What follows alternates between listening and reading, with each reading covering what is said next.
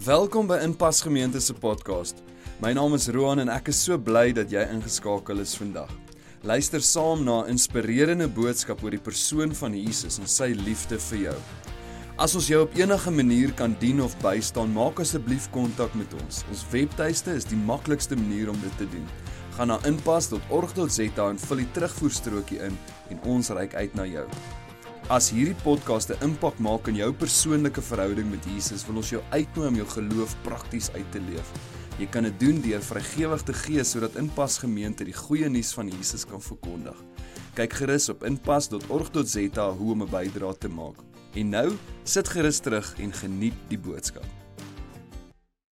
Assai, nou ek het 'n vraag vir al die dames hierso vanoggend. Wie van julle se mans sit goeters aan mekaar sonder om die instruksies te lees?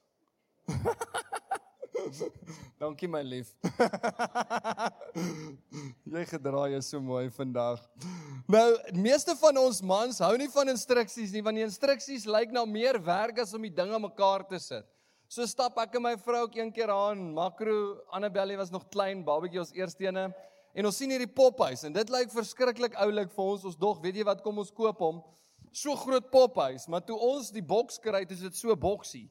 En nou moet jy hierdie ding opslaan in hierdie groot pophuis. Ek het daai instruksies net so eenkant toe gesit en gesê, weet jy wat, ek sal hierdie ding self uitfigure.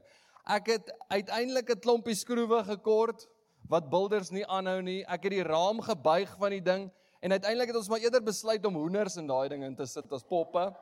Maar ek dink almal van ons het al eers iets begin en jy moes oor begin het. En dis waar ons gesels ver oggend en jy moet oor En is okay as dit 'n TV bracket is. Ek weet jy huis by die huis staan hy LED TV van jou net so. Hy staan net so bietjie. Jou vrou sê heeltyd vir jou, "Kan jy hom nie net so bietjie daai kant, net so bietjie daai kant ek sien daar word gestamp." En is okay as dit 'n TV bracket is en is okay as dit jou pophuis is. Maar dan is dit minder lekker wanneer ons moet oorbegin in ons lewens. En vir oggend my vraag aan jou is is en ons vraag vir hierdie jaar ook is is Hoe kan jy seker maak dat volgende keer gaan beter wees as die vorige keer? Hoe kan ek en jy seker maak dat volgende keer is beter as die vorige keer? As jy dink aan jou verhoudinge, as jy dink by jou werkplek, as jy dink aan jou finansies en waaraan ek en jy geld spandeer, nê? Nee, hoe kan ek en jy seker maak dat volgende keer gaan gaan beter wees as die vorige keer? As ek en jy dan nou so besluit, o, oh, hierdie jaar ons gaan nou 'n nuwe blaadjie omslaan. Regtig? Gaan jy regtig? Hier's twee goed wat waar is van my en jou. In die eerste plek, ons leer uit ons foute in die areas wat die minste saak maak. Kom ek gee vir jou 'n voorbeeld. Ek was so 'n klein chokkertjie gewees toe PlayStation vir die eerste keer uitgekom het. Ons kry ook so PlayStations, begin hierdie PlayStation. Julle ek het daai ding bemeester binne 'n week. Foutloos sê ek vir jou het ek daai Crash Bandicoot gespeel. Alraight. Of as jy nou kleiner was, Mario Brothers. Jy jy wil net oor daai paal spring. Jy het gehoor as jy oor daai paal spring met Mario Brothers en jy oefen hom en jy gaan hom regkry. Jy stryk al jou foute uit op TV speletjies. Op die plekke in jou lewe wat dit die minste saak maak, stryk ons al die foute uit. Oefen daai klavier. Jy kry dit nader aan reg. Ek onthou toe ek 'n bal gekry het, ek speel rugby daar. Daai skoppe op en ander en vang hom. Jy hou nie op totdat jy daai ding bemeester het nie. Maar hier's die ander ding wat waar is van my en jou.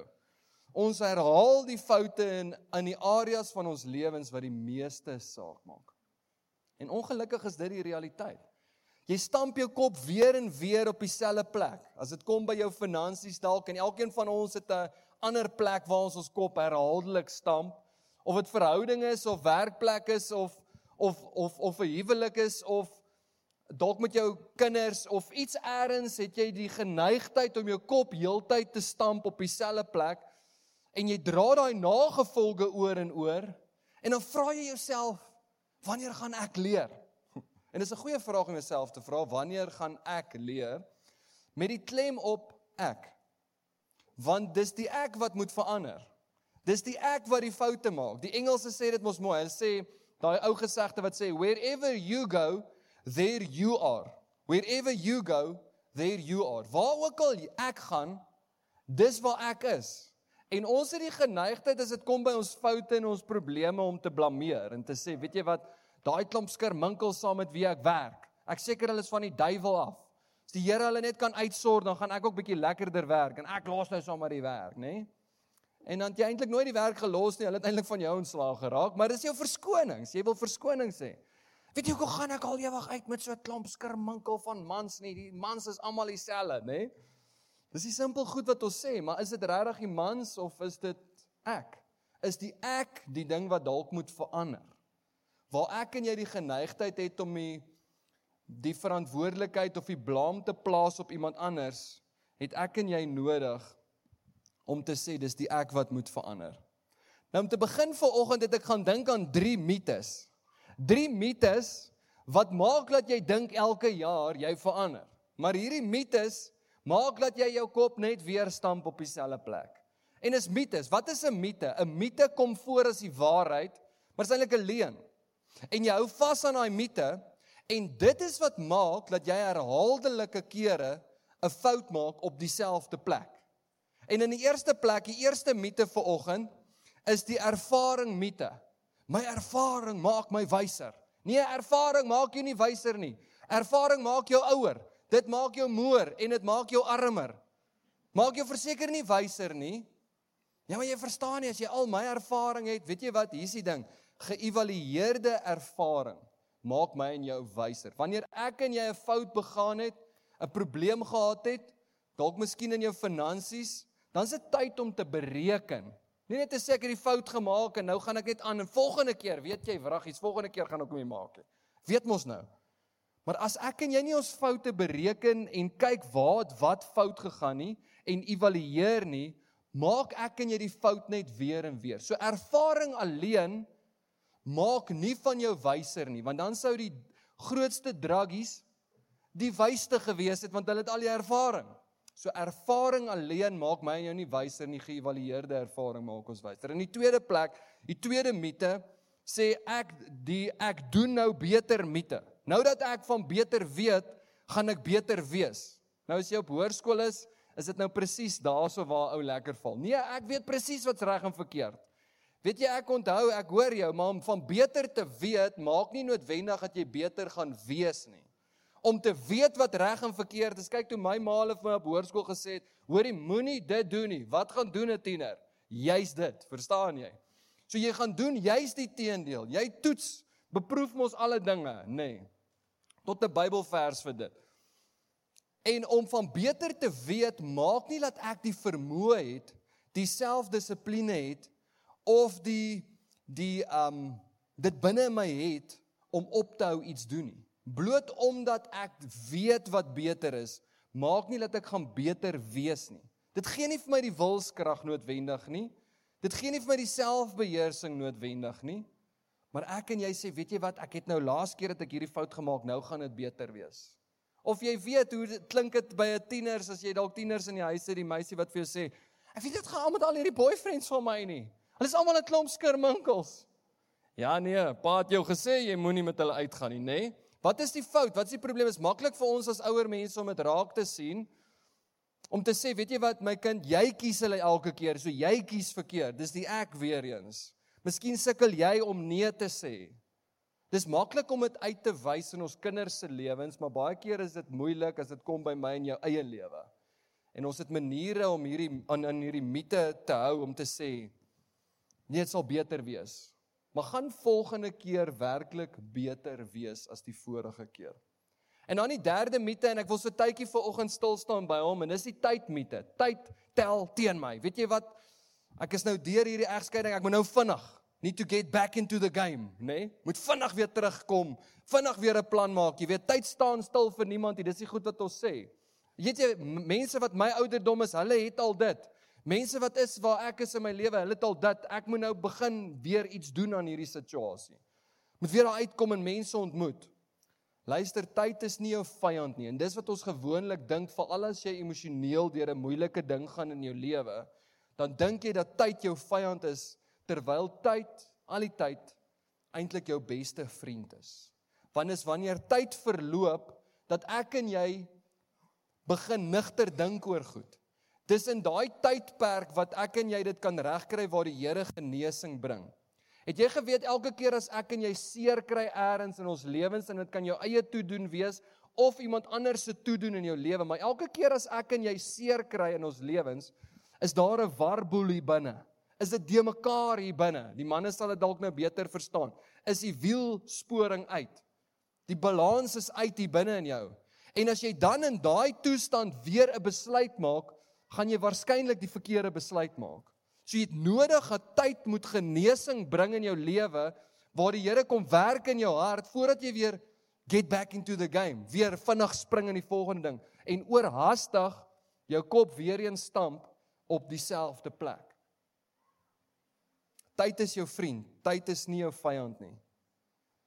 Ek en jy weet hoe werk dit met pyn. Ek het dit al voorheen gesê ook. Maar pyn maak my en jouself gefokus. En dis dis net die aard van pyn. Dis net hoe pyn werk. As jy 'n migraine hierso het vir oggend, ek belowe jy het niks gehoor eers wat ek sê nie. Jy het net gedink aan jou pyn. As iemand met jou staan en praat en jy het hierdie hengse kopseer, al wat jy kan dink is hierdie kopseer, hierdie kopseer, my pyn. Hierdie ou praat met jou of hierdie vrou praat met jou, maar jy kan nie hoor nie, jy reageer nie daarop, jy dink dit aan jou kopseer. Emosionele pyn werk eners. As ek en jy deur 'n tyd gegaan het laas jaar of in jou lewe eers wat jy deur 'n traumatiese ervaring gegaan het, het jy waarskynlik seer gekry. En dis baie keer die eerste ding om te erken dat ek en jy het seer gekry. En dis in daai seer kry wat ek en jy baie keer niks anders kan doen as om te fokus op daai seer en daai pyn nie. En ek dink ons almal het so 'n vriend eers, nê, 'n vriend of 'n vriendin eers, as jy daai persoon bel, Hy hoe gaan dit en dan gaan alles net oor hom, nê. Nee, gaan alles oor sy foute en sy probleme en o, al die mense en die mense saam met wie ek werk en ag, as jy my vrou gehad het en hierdie situasie en al die mense en is weer 'n blameer storie en alles wentel om daai pyn. Alles wentel om daai daai seer wat nie herstel nie. En is vir my en jou partykeer uitputtend om rondom so 'n persoon te wees. Maar ek en jy is ook partykeer daai persoon. Self pyn, pyn wat oor my en jou kom, maak ons self gefokus. En selfgefokusde mense maak selfgefokusde besluite. En wanneer ek en jy 'n selfgefokusde besluit maak, is dit waarskynlik die verkeerde besluit. Ek en jy het nodig baie keer in ons lewens laat tyd moet verloop waar die Here herstel bring en dis wat ons ons kinders ook kan help navigate deur hulle uitdagings. Wanneer jy sien jou kind kry seer en al is hulle nog baie klein, om nie net weer vinnig in 'n volgende ding in te spring nie, maar om seker te maak daar kom genesing sodat ons kan helder word en weer beter besluite neem. So vir oggend is dit dalk 'n boodskap vir jou. Ek wil jou vat na die Bybel toe. Weet jy hoeveel verhale daar in die Bybel het um hierdie helde van die grootste helde het toegelaat dat tyd verloop het in hulle lewe. amper eintlik elke verhaal in die Bybel. Van die Ou Testament, Nuwe Testament lees ons van elke verhaal waar die Here kom iets doen het in iemand se lewe na tyd verloop het. En is in daai tyd verloop wat ek en jy nie altyd hou van die storie nie. Ons wil hê dit moet vinnig. Ooh, en toe kom Moses en hy lei die mense uit Egipte uit. Ooh, toe word Dawid koning. Ooh, toe kom Paulus, maar dit was nie so eenvoudig vir hierdie helde nie. Vir Moses het hy as 'n kind groot geword in die Farao se huis, in die paleis. En op 'n stadium het hy hierdie dringendheid gevoel in sy lewe om 'n verskil te maak in die Jode se lewe. En hy sien toe hoe Egiptenaar werk met een van die Jode en hy slaan die Egiptenaar net daar dood. En dit is 'n fout wat hy maak. Moses probeer, hy misluk en hy moet vlug. En daar vlug hy weg. En dis die ritme daai wat jy sien elke keer in elkeen van hierdie karakters se lewens gebeur. Dawid is dieselfde. Dawid hoor hy word gesalf as die koning. Hy vind homself in die in die paleis van Saul waar hy leef saam met Saul en die volgende ding wat gebeur is is hy raak populêr, Saul raak jaloers en uiteindelik wil Saul vir Dawid doodmaak en Dawid moet vlug vir sy lewe. Hy probeer, hy misluk en dan kom hy later terug en hy begin oor. Kom ons dink bietjie aan Paulus daar in die Nuwe Testament. Paulus wat eers Saulus was. Saulus was hierdie fariseer gewees, hierdie skrifgeleerde gewees. Hy was eintlik in vandag se terme was hy amper aan die hoof van die kerk gewees. Een van die hoofleiers gewees van die Joodse beweging. En Paulus sien hierdie sekte groepie, hierdie klein groepie wat hulle self eintlik niks noem nie. Hulle noem hulle self die weg. Hulle het 'n spotnaam, spotterm begin kry deur die mense wat hulle gespot het en gesê het hulle naam is Christene want hulle is soos die een wat hulle volg, die Christus. En Saulus maak dit sy lewensdoel. Hy dog hy doen God 'n guns om hierdie mense te vervolg en hy is selfs verantwoordelik dat van hierdie mense doodgemaak word. En dis Saulus. Tot op 'n dag wat hy op sy perd ry en Jesus aan hom verskyn en hy besef hy's besig met die verkeerde ding en hy val daar van die perd af en hy kry 'n nuwe lewe en hy word Paulus. En die een wat eens op 'n tyd die kerk vervolg het en die kerk wou doodmaak, is toe uiteindelik verantwoordelik seker vir die grootste kerk groei 'n bietjie later. Soos jy dink aan hierdie helde se verhale, dan dink jy aan Moses. Moses was nadat hy daai Egiptenaar doodgeslaan het 40 jaar lank wat hy moes weggaan. 40 jaar wat hy skape opgepas het daar in die woestyn saam met sy skoonpa, geboer het en gedink het dit is nou sy lewe. En dis nou dit. Dit was Moses se verhaal. 40 jaar voordat die Here hom teruggeroep het en hy oor begin het. Dink gou 'n bietjie saam met my aan Dawid. Dawid het gevlug weg van Saul af. 10 jaar later het hy eers teruggekom, oor begin en het hy die koning geword. Saul wat Paulus ag Saulus wat Paulus geword het in die Nuwe Testament. Dit het hom 14 jaar gevat vandat Jesus aan hom verskyn het totdat hy die eerste keer 'n kerk geplant het. 14 jaar vir hom om oor te begin. Vir hom om seker te maak die stof gaan lê. Vir hom om seker te maak die Here doen eers 'n werk binne in hom voordat die Here iets begin doen deur hom. En hier's twee mooi goeters wat ons leer in elkeen van hierdie helde se lewens. In die eerste plek leer ons dat elke keer in daai tyd wat verloop, daai tyd wat verbygaan, wat dalk ek en jy lees dit nie eens raak in die Bybel nie. Ons sien net hierdie Here aan Paulus verskyn en hierso het hy begin kerke plant. Maar na 14 jaar vir Paulus, 40 jaar vir Moses, 10 jaar vir Dawid en ons kan aangaan op karakter op karakter. En waarskynlik ook nou in jou lewe is daar iets wat jy van bewus word in daai wagtydperk. En dit is nommer 1, 'n hoë roeping en iets wat ingebou word in jou lewe, 'n blywende nederigheid. In elkeen van hierdie karakters se lewens het hulle bewus geword van 'n hoë roeping dat God besig is om iets groots te doen en dat hulle bloot deel is daarvan en 'n blywende in 'n blywende nederigheid wat by hulle gebly het. Kan jy jouself sien dat die lewe nie net wentel om jou nie, maar dat die Here besig is om jou in te skakel, in te pas in 'n groter doel, in 'n groter prentjie. Miskien sit jy hier vandag en jy dink, "Roan, hier's al my mislukkings waaroor ek skaam is, ek wil hulle nie eers noem nie. Hier's my foute wat ek begaan het." Wel dan val jy in dieselfde kategorie as Dawid en Moses en Saulus wat Paulus geword het wat gedink het, hoe gaan die Here my ooit gebruik? Ek het dan nou die kerk vervolg, Here. Hoe moet ek nou die kerk help groei? En in daai einste ding wat jy oor skaam is, wat jy oor skuldig voel, wat jy voel is jou mislukking is die ding waarskynlik wat die Here wil gebruik in 'n groter prentjie en 'n groter doel vir jou om 'n verskil te maak in iemand se lewe. Dit dit hoef nie net iets negatiefs te wees nie, hoef nie net foute te wees nie, dit kan dalk jou sterkpunte wees op hierdie stadium het die Here jou sekere gawes gegee en sekere skills gegee waarin jy goed is. En om seker te maak dat jy nie net daai skills van jou nie net wentel en draai om jou prentjie nie, maar dat jy jouself sal bewus word van hoe jy inpas in 'n groter prentjie van hoe jy inpas in die koninkryk van die Here.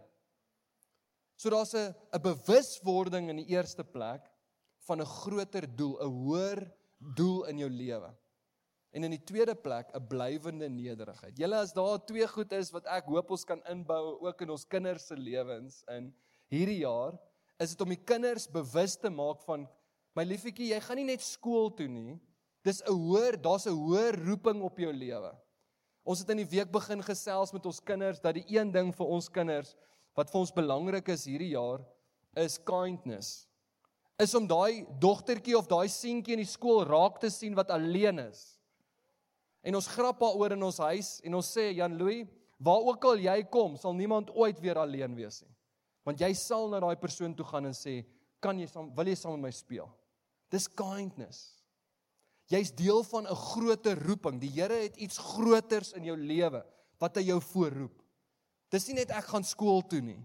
Daar's 'n groter doel en daar's 'n blywende nederigheid in elkeen van hierdie karakters se lewe. Ek wil afsluit vir oggend met 'n teksgedeelte en ek hoop hierdie teksgedeelte kan ek en jy vasmaak en dan vashou. Dis een vers. Maar dis dieselfde Paulus wat dit so skryf aan aan die kerk in Romeine en is 'n baie bekende gedeelte. Jy ken dit. Maar dalk so 'n bietjie nuwe lig vir oggend vir jou daarop. Dit sê so, dit sê en ons weet dat God alles, alles. Daai woordjie alles, laat dit insink vir oggend by jou. Jou foute, jou verlede, jou tekortkominge, jou seer, dit wat mense aan jou gedoen het, waarvoor jy nie eers gevra het nie, die omstandighede wat na jou kant toe gegooi is, want ons weet dat God alles, alles ten goeie laat saamwerk. Nog 'n woordjie, saamwerk. Kan ek en jy hierdie jaar besluit om saam met die Here te werk? Nie alleen nie, Here, ek sit nou hier in my ek sit nou hier op my eie ek sal hier deurwerk en dan sal ek weer begin met die volgende ding. Nee, hoe gaan ek nie seker maak volgende keer is beter as die vorige keer is om saam met die Here te werk. Want andersins al wat gebeur is is ons probleme bou op mekaar. Dit word net groter en groter en groter. Hier is die tyd vir my en jou te besef ons is deel van 'n hoër roeping en dat ek saam met die Here gaan werk. Met my foute, met my tekortkominge, met alles wat daar is in my lewe wil die Here 'n werk kom doen hier binne in my en jou. Ek het al mense gesien wat regtig hierdie begin uitleef en dis mense wat ophou ander blameer. Hulle hou op om te sê man is hy onderwyser daar by my skool, maar as jy my net kan stuur na 'n ander skool toe dan sal dit beter gaan. So hy klomp werksmense saam met wie ek werk as ek net 'n ander werk kan kry. Miskien het die Here jou daar geplaas met 'n doel, met 'n hoër doel waar jy heidaglik is alles ten goeie laat saamwerk vir hulle wat hom liefhet, hulle wat geroep is volgens sy doel vir hulle lewe. Hulle wat geroep is volgens sy doel vir hulle lewe. Julle my gebed vir jou vir oggend is dat jy sal bewus word dat die Here jou geroep het vir 'n groter doel nie jouself te isoleer of te dink, weet jy wat, ek het nou my foute en my goedjies en ek kap nou maar net aan nie. Ek en jy gaan nie maar net werk toe, maar net skool toe nie. Daar's 'n groter doel wat die Here plaas in my en jou lewe. En mag ek en jy bewus word van hierdie hoër skepingsdoel wat die Here het vir my en jou lewe. Mag ek en jy groei in hierdie blywende nederigheid soos dat ons besef en beleef hoe ons deel is van dit wat die Here kom doen. Hier agter my is 'n groot banner wat ons waarskynlik hierdie spelfout die hele jaar hier gaan hou. Iemand sê dit het my so geïrriteer laasweek daai woord verander. Brian staan nou 'n bietjie daar voor hom, maar dis okay, jy kan maar bly staan. Maar julle hierdie jaar glo ons, hier is ons wegspringplek. Genade het my kom verander. Dis die wegspringplek in my en jou lewe. Nie om myself te bewys nie, nie om try my foute op my eie reg te maak nie, maar God se genade wat my kom optel. Dit kom verander my. Maar dan bly dit nie net daar dat dit my verander nie. Dis genade verander. Ek en jy word bewus daarvan dat die Here my roep vir 'n doel. En nou het ek en jy 'n bediening van genade ontvang. Verander. Met elke persoon wat ek praat, sal daar genade wees, 'n bediening van genade waar die Here nog mense gaan optel en nog mense laat besef dat daar 'n hoë roeping in hulle lewe en dit inbou ook in hulle lewens. Volgende keer, hierdie jaar, hierdie keer kan anders wees as die vorige keer Nie omdat ons net hoop daarvoor of wens daarvoor of ons hoop dit sal net maar beter wees hierdie jaar nie. Nee, omdat ons dit beplan, omdat ons intentioneel is daaroor. Omdat ons saam met die Here werk en besef dat ons is deel van sy hoër doel en skepingsdoel in ons lewens. Kom ek bid saam met jou. Hemelse Vader, dankie dat ons vandag kan bewus word. Here, ons gaan nie net skool toe nie. Ons gaan nie net môre werk toe nie. Ons kuier nie maar net by familie nie. Hemelse Vader, daar's 'n doel en 'n hoër doel, 'n skepingsdoel wat U plaas in elkeen van ons. Here, U bediening is nie net vir geleerdes, teoloë, dis eintlik glad nie vir hulle nie. Dis vir elkeen van ons, Here. Ons hoor daai woorde wat ekho in die disippels se harte en van nou af sal hulle nie net vissers wees nie, maar vissers van mense. Mense, Here. Mense waartoe ons gaan by die skool, mense waartoe ons gaan by ons werksplek en ons familie, ons omgewing en ons waar ons in aanraking kom met mense, Here. Mag ons hierdie bediening van genade verander. Ons verander, maar ook dit uitdra vir ander. Ons kom eer en loof U, Here, vir so mooi bediening. In Jesus naam. Amen.